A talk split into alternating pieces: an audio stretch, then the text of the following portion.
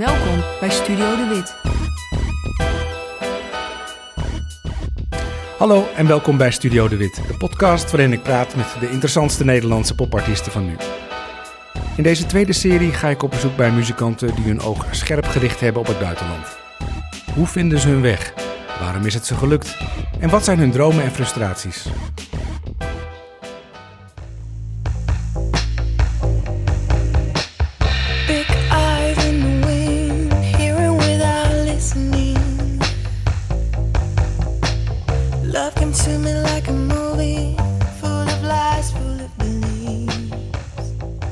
Sophie Winterson is in mijn oren een van de meest ondergewaardeerde artiesten van Nederland. Het lijkt alsof ze steeds net niet in een handzaam hokje past, waardoor haar platen door sommige mensen mogelijk over het hoofd worden gezien. Te catchy en te poppy om als alternatief door te gaan? Te links van het midden om op flinke radioplay te rekenen? Zoiets misschien. Hoe dan ook, onlangs verscheen Sophie's nieuwe album Sophia Electric, waarop ze haar onderkoelde stijl verder uitwerkt in een serie knappe popliedjes.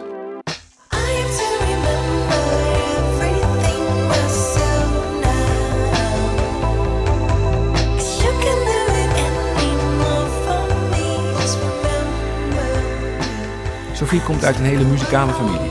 Ze heeft een broer en een zus in My Baby en een andere zus is de zangeres van Blue Crime. Vroeger speelden ze samen in The Soldiers en sindsdien zijn ze allemaal een andere richting ingeslagen. Het is een muzikaal nest en dat kan je ook zeggen over het appartement van Sophie Winterson in Amsterdam-West, waar het nog vroeg is als we er aanbellen. Haar slaapkamer heeft ze omgetoverd tot thuisstudio en dus staat haar bed nu in de woonkamer. Alles voor de muziek. Ik sprak met haar over haar productieproces als eenpersoonsartiest, over haar zangtechniek, waar ze veel verstand van heeft, maar op haarzelf niet echt toepast, en over waarom ze zo graag in Los Angeles zit en de haken en ogen waarmee ze dat voor elkaar gekregen heeft.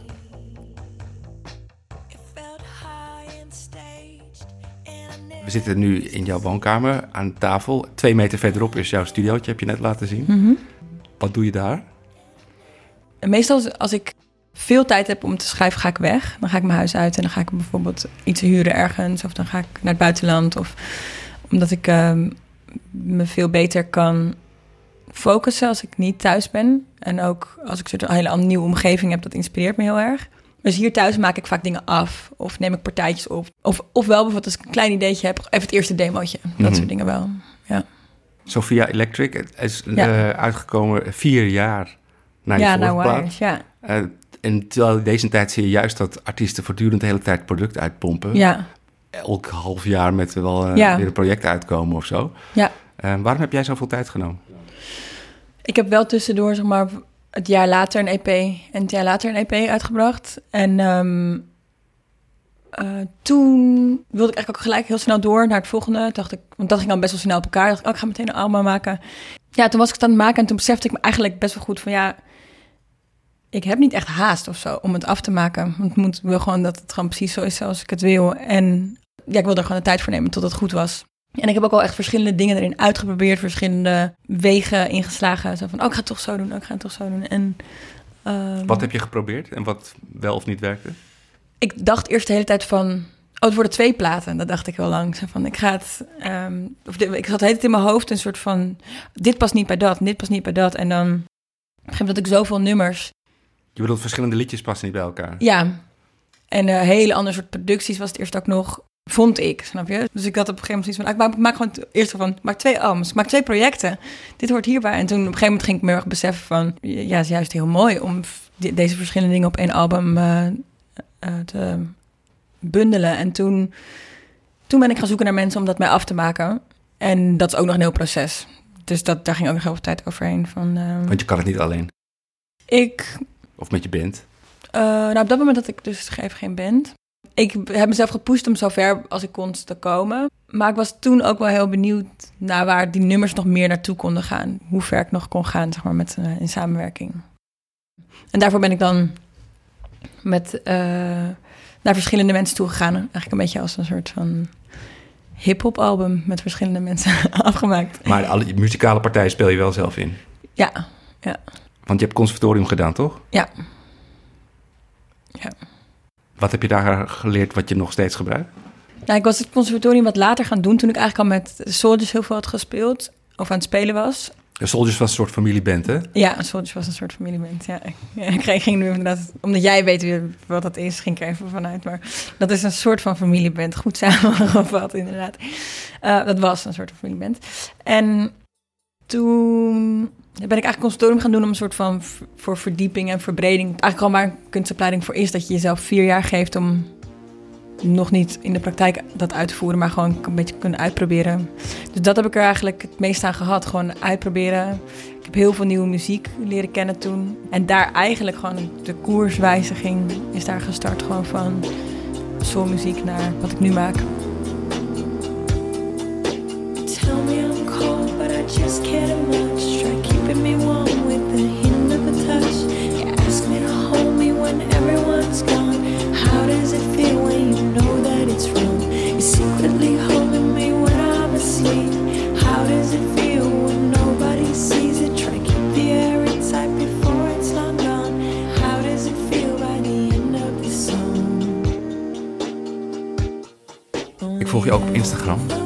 Dus ik weet dat je de afgelopen jaren ook heel veel in L.A. geweest bent. Ja, Wat doe je daar? Ehm, nou, dat begon zeg maar voor het, de eerste keer dat ik... Ja, de eerste keer dat ik naar Amerika ging was dan voor South by Southwest. Dat was om je debuutalbum Wires te Ja, promoten? ja.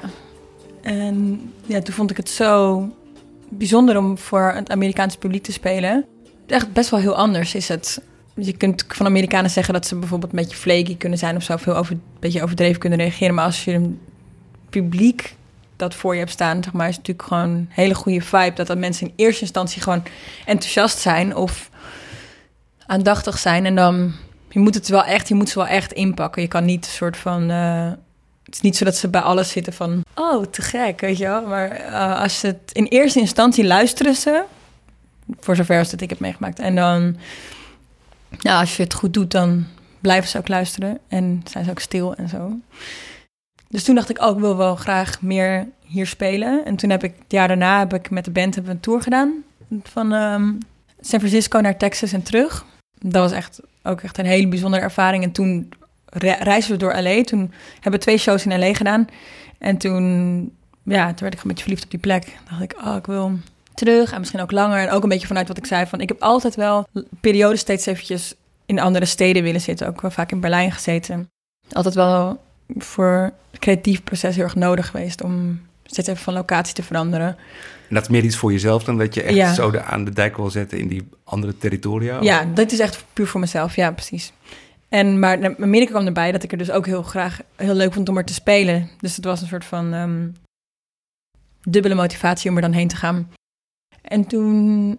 eh, Dat is nog niet zo eenvoudig om Nee. daar professioneel te mogen optreden. Nee, maar dit heb ik ook niet... eh, zeg maar, dit heb ik ook illegaal gedaan, die eerste tour. Ja. Oké. Dat mogen we niet, het is niet voor de podcast, maar nee, dat heb ik gewoon, eh, ehm, ja, Hoe doe je dat stiekem? Als je, kun je daar iets over zeggen? ja, nou gewoon Kun je niet, tips geven? gewoon nog niet op je Instagram zetten dat je gaat spelen en dan. Maar je hebt een instrument bij je? Of dat huur Ja. je daar? Nee, ja, dat had ik wel bij me, maar ook eh ons gitarist die had, had een Amerikaans paspoort, dus die had de meeste instrumenten, zeg maar. Ah ja. Dus dat ook zo Ik ben ja, multi-instrumentalist. precies. en we zijn wel flink ondervraagd, maar. ehm, Was dat eng? Ja, dat vond ik wel eng. Maar ik had echt zo'n... eh, ik had mezelf ook helemaal vastgepraat op een gegeven moment. Want ik had een camper gehuurd. Ik ging met zo'n hele grote camper en dan al die spullen achterin. En daar sliepen we ook in.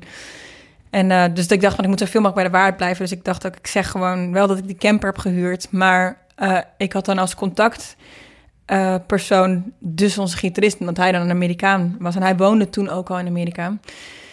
Dus ik had hem dan als contactpersoon. En toen begon hij te zeggen, wat ga je dan doen? Dus ik zei, met die camper op vakantie. Zei hij, met wie? En toen zei ik dus, nou, met die persoon. En toen kwam hij dus achter dat het een mannelijk persoon was. Maar toen zei hij dus, is dat je vriend? En toen zei ik, nee.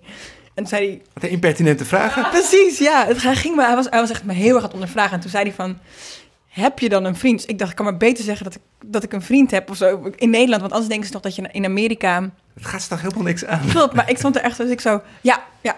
En toen zat hij zo... En je vriend vindt het goed dat jij met een andere man in een camper rond gaat reizen. Dus dat ik zo... ja, weet je wel. En toen zei hij... en toen werd het echt steeds, steeds lastiger. Maar toen zei hij op een gegeven moment... Ja, I just don't believe you. En toen zei ik zo... Ja, maar het is echt waar. Dus door een soort van wel eens niet eens ding. En hij wist niet waar naar die, hij wist niet naar waar hij zocht, want hij had, ik had geen instrument op mijn rug of zo. Dus hij had ook geen idee wat ik dan anders kwam doen. Nou, hij besefte zich heus wel dat ik aan het liegen was, maar het was een soort van eh, een beetje zijn woord tegen het mijne. Tot ik op een gegeven moment maar zoiets had van loop maar door. ja, dat had hij natuurlijk nooit moeten doen. nee.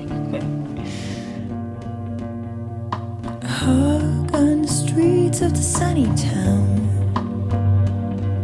Supposed to be a goodbye. I look for confirmation in this innocent purple light.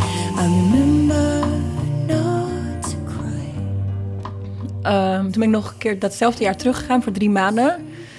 Nou, alleen dat mag dan wel. Je mag wel gewoon drie maanden gaan. Oh ja, nee, dat mocht ik eigenlijk ook niet. Want toen heb ik ook opgetreden.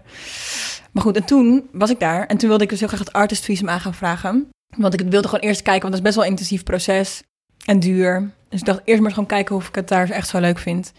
En toen vertelde iemand van, je kan ook de Queen Card Lottery is er, bestaat ook. En ik dacht ook van, oké, ik meld me gewoon aan. Maar Wat is dat voor iets? het is een, eh, het is echt maar zo typisch voor de American Dream fans. Vaak het je heel moeilijk om een green card te krijgen, maar je kan hem ook winnen. Snap je? Een soort van, je, ze geven er dan ook 50.000 per jaar weg, wereldwijd. En een green card is een Verblijfsvergunning. Voor... 10 jaar, ja, voor 10 jaar. Maar je, bent er, je wordt er geen Amerikaan van. Je kan, als je er vijf jaar woont, krijg je een Amerikaans paspoort. Maar dan moet je, je moet, ik zou ik mijn Nederlands paspoort op moeten geven. Zover zijn we nog niet. Precies, nee. Maar goed, jij ging aan die, aan die loterij meedoen. Ja, en toen En kan iedereen dat eh Ja, een kaartje kan- voor kopen? Ja, nee, je kan je zeg maar in oktober aanmelden. Eh, volgens mij is die twee weken open of zo per jaar. En dan zo heel geheimzinnig. Je kan Maar zo- niet voor mensen eh, uit Guatemala die te voet naar Amerika lopen, of wel? Het, is, het, is, het heet dus Diversity Lottery eigenlijk. En het is dus wel echt zo dat ze uit elk land een bepaald percentage moeten toelaten. Dus het is juist bedoeld om niet te discrimineren. Maar eh, landen met meer dan 50.000 immigranten of zo per jaar die al naar Amerika toe gaan, die mogen niet meedoen. Of ik weet niet of dit het, dat aantal precies klopt, maar dus bijvoorbeeld Engeland mag niet meedoen, want er zijn al te veel eh, immigranten. Of en dan valt Zuid-Amerika daar natuurlijk ook niet onder. Want, Maar Nederland wel dus. maar Nederland dus wel, ja. Er zijn niet, niet zoveel eh, mensen die van Nederland naar Amerika en, wat, en wat kost dat? Dat kost niks. Je kan je gewoon aanmelden. En ehm, En wat zijn de kansen? Daar heb ik niet echt uiteindelijk een heel goed eh, beeld van kunnen krijgen. Maar heel, de kans is heel klein. Ik bedoel, eh, het is wel onder de 1%. Dat vind ik best klein. Ja, onder 0,3 of zo. Ik weet niet. maar dat, er zeggen ook verschillende websites zeggen er ook allemaal verschillende dingen over. Het ligt denk ik ook heel, erg- heel erg aan hoeveel mensen zich per jaar natuurlijk aanmelden. Dus goed, jij meldde je aan en toen? En toen kreeg ik een jaar later een e-mailtje, zo van in mijn inbox van... Congratulations, you got selected. En toen dacht ik zo van, dat is spam natuurlijk, ik weet niet. En, had- Nigeriaanse prins. ja, ja, ja, precies. Ik had niet serieus genomen. Nog dat e-mailtje zelfs, totdat... Ik had het niet eens geopend, geloof ik. En toen later vroeg iemand ernaar, zo van... Hoe dat daarmee zat. En toen ineens begon het te dagen ik dacht... Ik had een soort gek e-mailtje. En toen ging ik dat pas kijken. En toen... En dan kan je op de website van... ehm, de government kan je dan gewoon je code intikken. En het stond er inderdaad gewoon zo'n hele officiële brief van... je bent geselecteerd. Maar dan begint het eigenlijk pas echt het proces. Dus ze selecteren meer mensen dan ze uiteindelijk gaan toelaten. En dan moet je gewoon ehm, al je hele leven opgeven. Dus waar je ooit bent geweest, weet je wel. Gewoon wat je ook gewoon voor een green card moet doen. En dan na- daarna... Ik denk dat ze dan nog een selectie maken. Want je moet bijvoorbeeld... Maar de eisen zijn niet echt hoog. Je moet een middelbare schooldiploma hebben. Of twee jaar ehm, werkervaring. Zeg maar in een soort van gebied... eh, waar je een expertise voor nodig hebt. Maar ja, dat is natuurlijk heel vaag. Dus je hoeft niet zoveel te zijn of te hebben, zeg maar, voordat je daar aan mee kan doen. Maar wel gewoon van welke landen heb je allemaal bezocht? Waar heb je gewoond? Wat je, dus daar, ja. En je was nog nooit in Afghanistan geweest. Ik was nooit in Afghanistan geweest. Dus Nee. dat scheelde. Ja. En toen, eh, dat heeft nog een jaar geduurd. Eh, en eh, dan moet je ook, je moet ook een hele soort medische keuring afleggen. Het is echt heel pittig. En dan kost het uiteindelijk wel een beetje geld... omdat je dus een keuring moet afleggen en dat soort dingen. En uiteindelijk betaal je geloof ik 300 dollar... als je hem dan echt daadwerkelijk hebt. En sinds wanneer heb je hem? Ik heb hem nu een jaar. En? Ik voel me geweldig.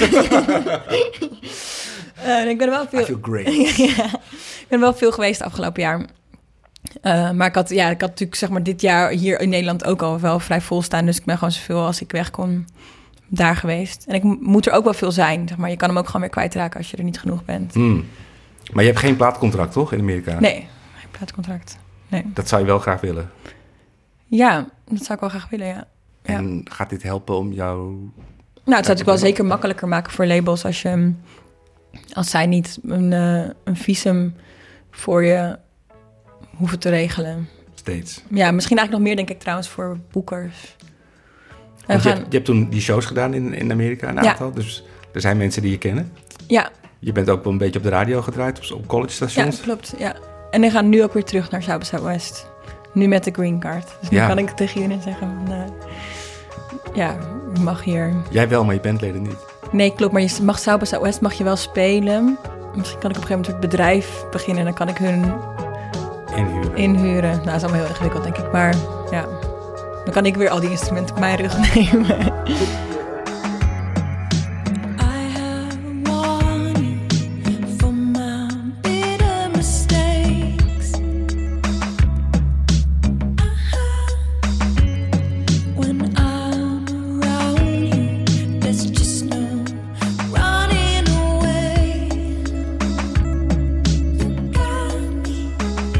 Hebt eh, een soort van basis gelegd in de Verenigde Staten. ja, Dat is natuurlijk een gigantisch land. Ja. En met alle respect, Sophie Winterson stelt niks voor daar. nee.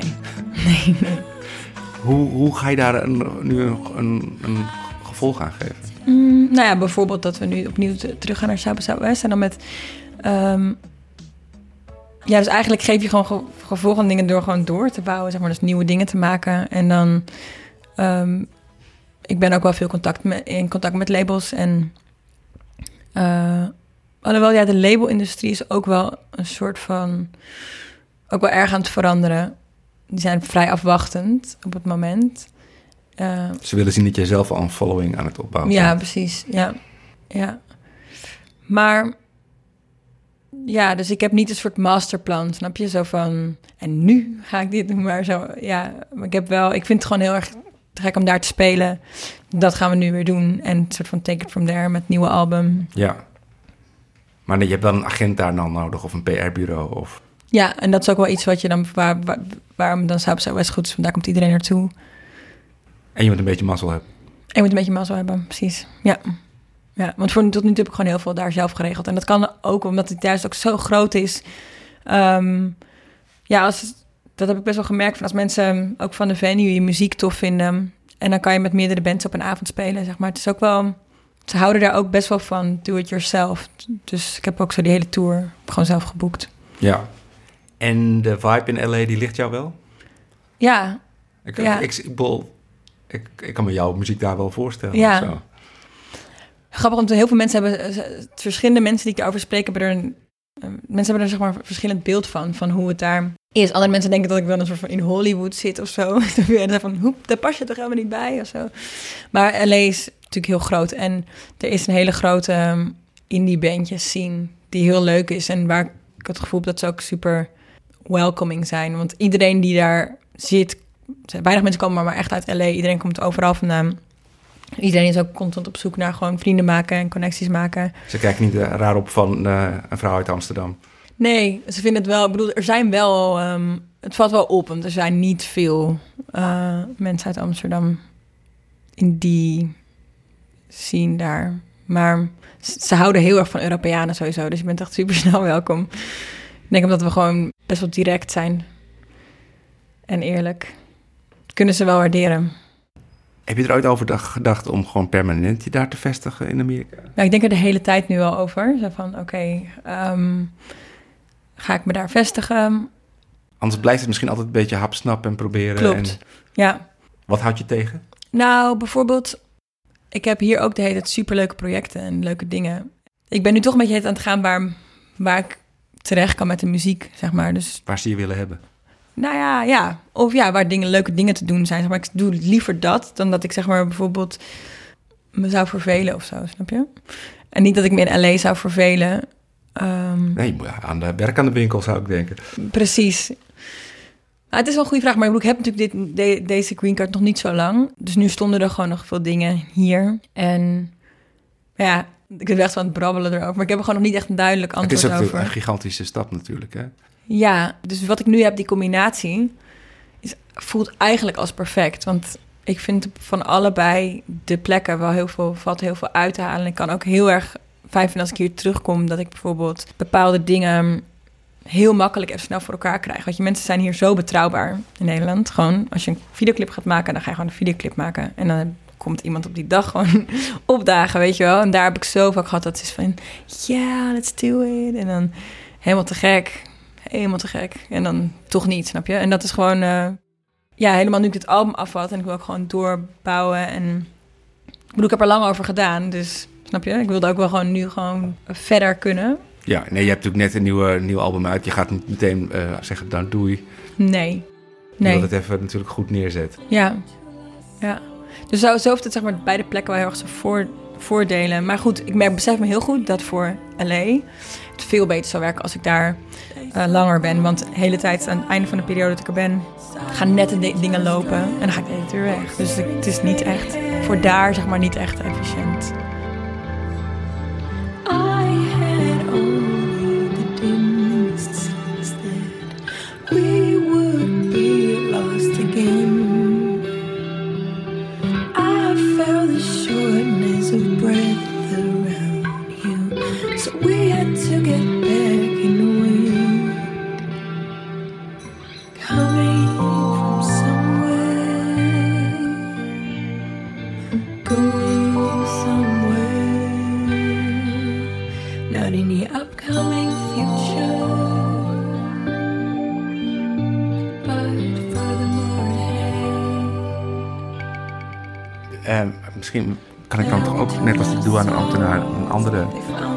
Impertinente vraag stellen. Ik weet niet of je daar al... Je bent nu vijf jaar artiest.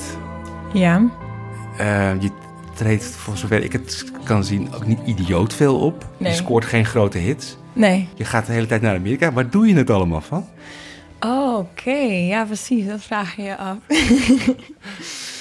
Ehm, nou, ik zeg maar, Heb je nog iets daarnaast, een hustle? Dat...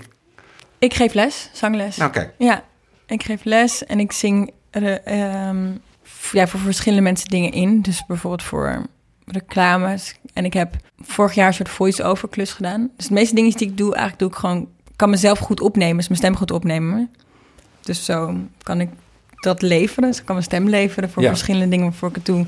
En ik geef les en dat vind ik... Ja, dat is...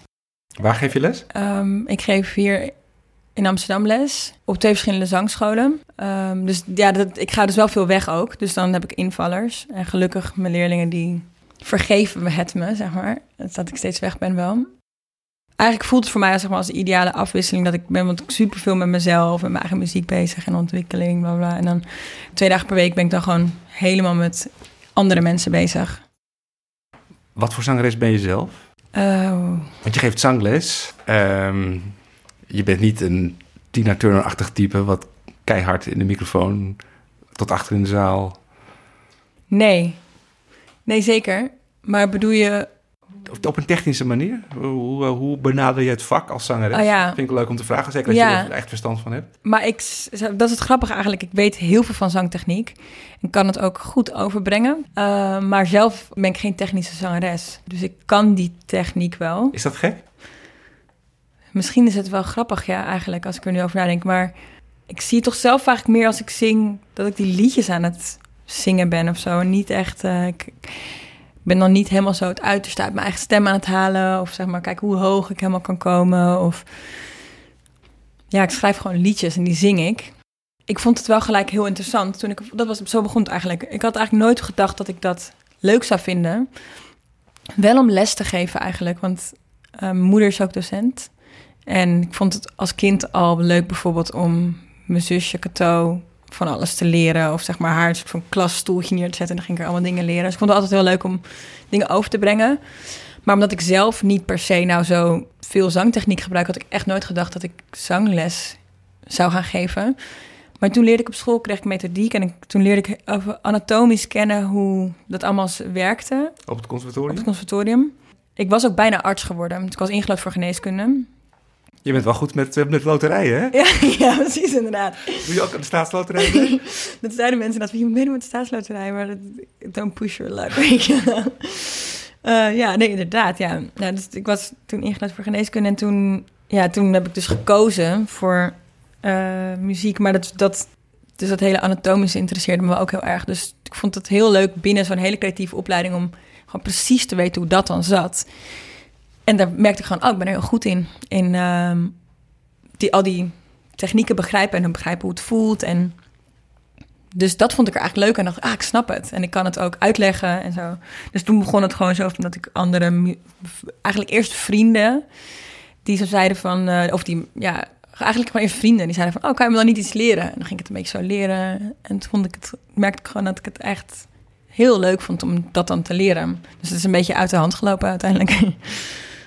Nog even over, over, die, eh, over die zangtechniek. Je zegt, ik ben niet zo'n technische zanger. Zong je heel anders bij de Soldiers? Wat ja, zing je een heel ander repertoire maar toen, met het, toen ik in de soldier zat, was ik gewoon ook de hete mijn stem kwijt. Hmm. Dan heet het schoor, omdat ik gewoon... Omdat het best wel intense muziek is om te zingen. Dus eigenlijk pas op het conservatorium leerde ik wel heel veel daarvan. En dat, dat, daarom denk ik dat ik het ook heel interessant vond. Omdat ik zelf... Ja, ik liep gewoon heel duidelijk tegen de limieten aan zeg maar, van mijn eigen stem.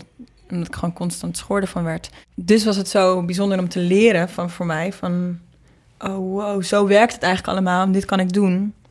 En daarom is het ook wel leuk om het weer aan anderen te leren... die ook met bijvoorbeeld met datzelfde probleem komen. Dat ze het het schoor zijn of zo. En dan, dus ik ben ook een beetje een soort ervaringsdeskundige. Ik had zelf heel erg nodig, die techniek. Maar ik heb het niet ingezet om uiteindelijk zeg maar een soort van eh, Beyoncé-achtige nummers te gaan zingen. Snap je? Hoewel ik het wel heel leuk vind, omdat een, ik heb wel leerlingen die dat willen leren en ook echt kunnen. Kan je het zelf ook? Ik kan het ook, ja. Maar ik vind het niet mooi bij mijn eigen stem. Ik kan, heel, ik kan zeg maar wel zo hard en hoog en Dat zou echt een totaal andere draai in je muziek geven, hè? ja, ja. En soms bijvoorbeeld bij nummers push ik mezelf wel een beetje om. ehm, want dat is eigenlijk het ding. Ik schrijf heel veel dingen in, een, in mijn kamer. Of in, in een klein, kleine setting, in een kleine kamer. Dan zing ik het eigenlijk altijd zacht in. En dan Om de buren niet te storen. om de buren niet te storen, ja, precies. Of ook omdat je zelf in zo'n klein kamertje zit met zo'n koptelefoon op, ga je ook niet in één keer heel hard zingen.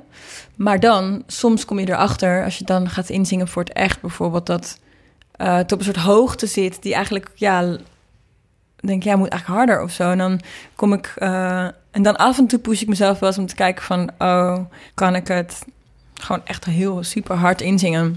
Dus ik gebruik het wel eens. En dan weet ik ook wel hoe ik het moet doen. Dus dat is Mhm. ook wel grappig. Dan kan ik dan denken van, oké, kan het misschien ook zo. En dan, ehm, Staat er op je nieuwe plaat een nummer waarvan je kan zeggen van... daar heb ik het zoiets gebruikt? ik moet ook gelijk nu denken aan Dreams van mijn vorige EP.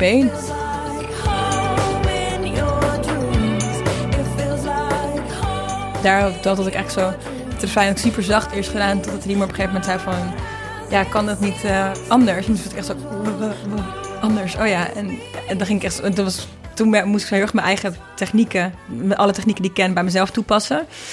Bij het, laatste album, ik had bij Time eerst ook dat ik het veel zachter had ingezongen het refrein. Dat ik toen eh, ook echt zo mezelf er even uit moest trekken van, oh ja, weet je, laat, doe het even voor het echi. Maar echt hard. Uh, make you miss her ook, doe ik het ook. Dus doe het wel een beetje, ja. ja. Know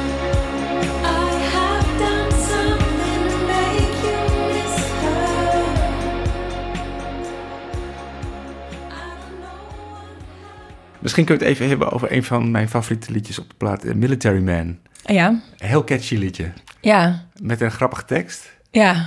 Kun je vertellen eh, waar dat vandaan komt? Ehm, ja, dat, dat nummer ben ik begonnen in... ehm, heb ik eigenlijk gemaakt in Haarlem, in het studiootje van mijn vader. Dus daar, mijn vader heeft in zijn huis... eh, mijn ouders zijn een paar jaar geleden wegverhuisd van Marken, waar ik ben opgegroeid. Toen hebben ze een appartement gekocht in Haarlem op zes hoog. eh, met helemaal, bijna helemaal van glas. En heeft een hele mooie grote woonkamer. En toen ik daar voor het eerst stond, liep zei mijn vader... en dan komt hier de studio. En dat was echt midden in die woonkamer. zeg Want hij is ook muzikant. Maar mijn vader is ook muzikant, ja. ja ik heb eigenlijk zo, eh, veel van mijn vader...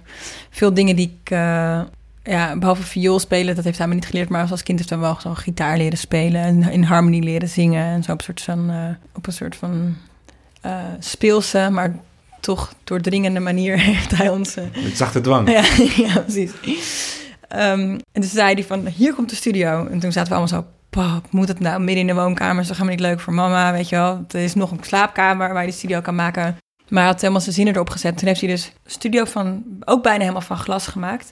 in een woonkamer, die dan geluidsdicht is. En daar heeft hij gewoon echt een opstelling van met een drumstel. En weet je, gewoon echt een... Alles klein, zeg maar, maar je kan gewoon volledige band ook opnemen daar. En uiteindelijk is het wel echt heel bijzonder geworden. Want ik dacht, weet je, het gaat helemaal zo... het- je ziet helemaal niks meer. Zo. Maar je hebt dus, omdat dat dus bijna alles ook van glas is, kan je dus in het studiootje zitten. Kijk je dus uit op het Spaarne. En ik ga dan meestal heen als mijn ouders er niet zijn, want je zit natuurlijk ook in die glazen kom. Anders zit je ook, word je ook een beetje bekeken in je creatief proces. Maar dat is wel echt een van mijn meest favoriete plekken om ehm, op te nemen, omdat het is helemaal stil. En je zit toch wel, je zit niet in een soort hol, maar je, het sowieso heel lekker om hoog te zitten. Een beetje overzicht te hebben.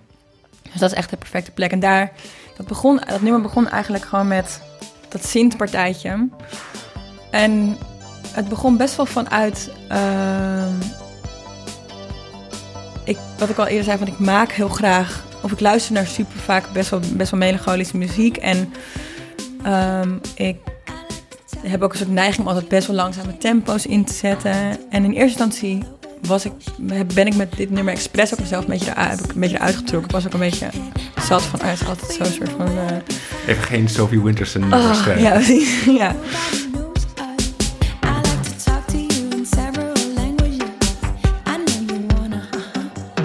You Het hele nummer is ook niet autobiografisch geworden. Het is een soort verhaaltje geworden van ehm, iets wat ik me heb voorgesteld. Dus het soort meisje wat dan ook in dat liedje paste, zeg maar. En ehm, het was echt super leuk om te Wat maken. voor meisje is dat? Eh, ik wilde een soort stereotypische. eh zeg je dat eigenlijk stereotypisch? Stereo, Ja, ja, stereotypische bedoel het nu? relatie beschrijven waarbij dat meisje.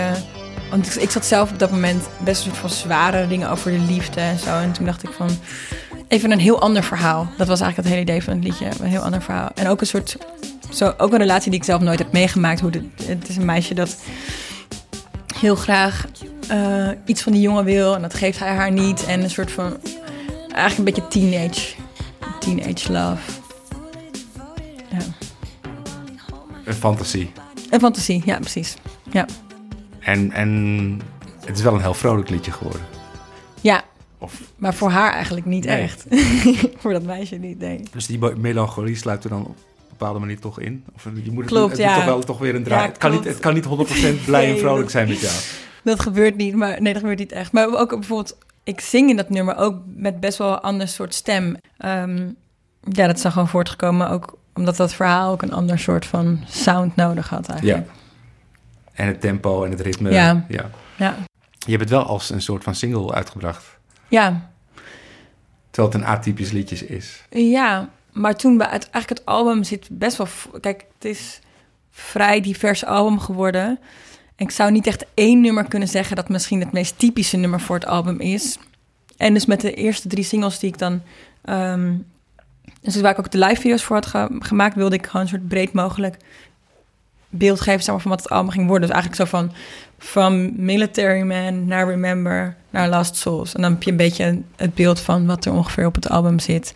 Dus ik dacht juist van, dan geef ik het meest complete ehm, plaatje.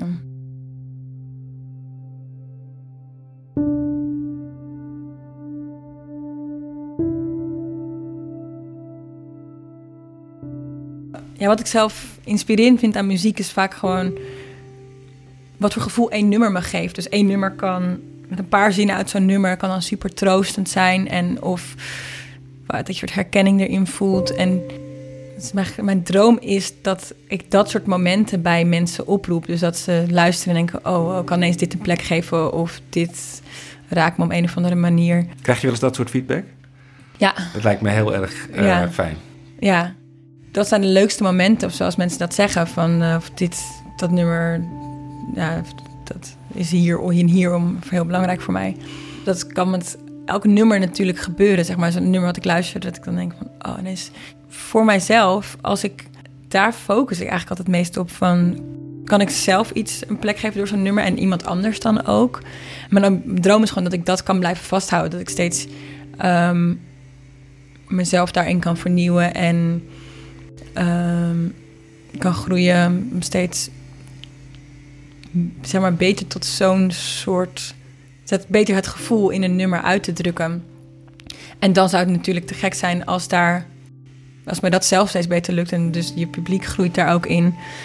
Je kan grotere zalen gaan spelen. Dus dat zou ik. ehm, dan zit, zit mijn, mijn ambitie, zeg maar. Of tenminste, mijn droom is dan. Weet je. Het grote zaal van Paradiso-achtige zalen. Ja, dat zou natuurlijk fantastisch zijn als je dat kan spelen.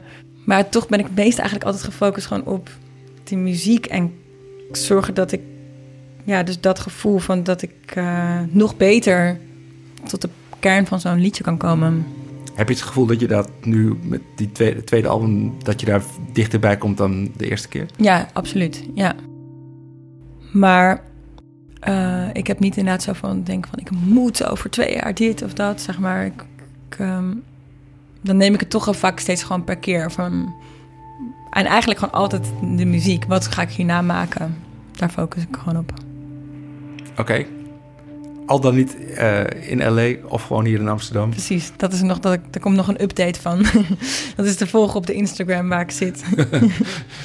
Houd het in de gaten, dankjewel.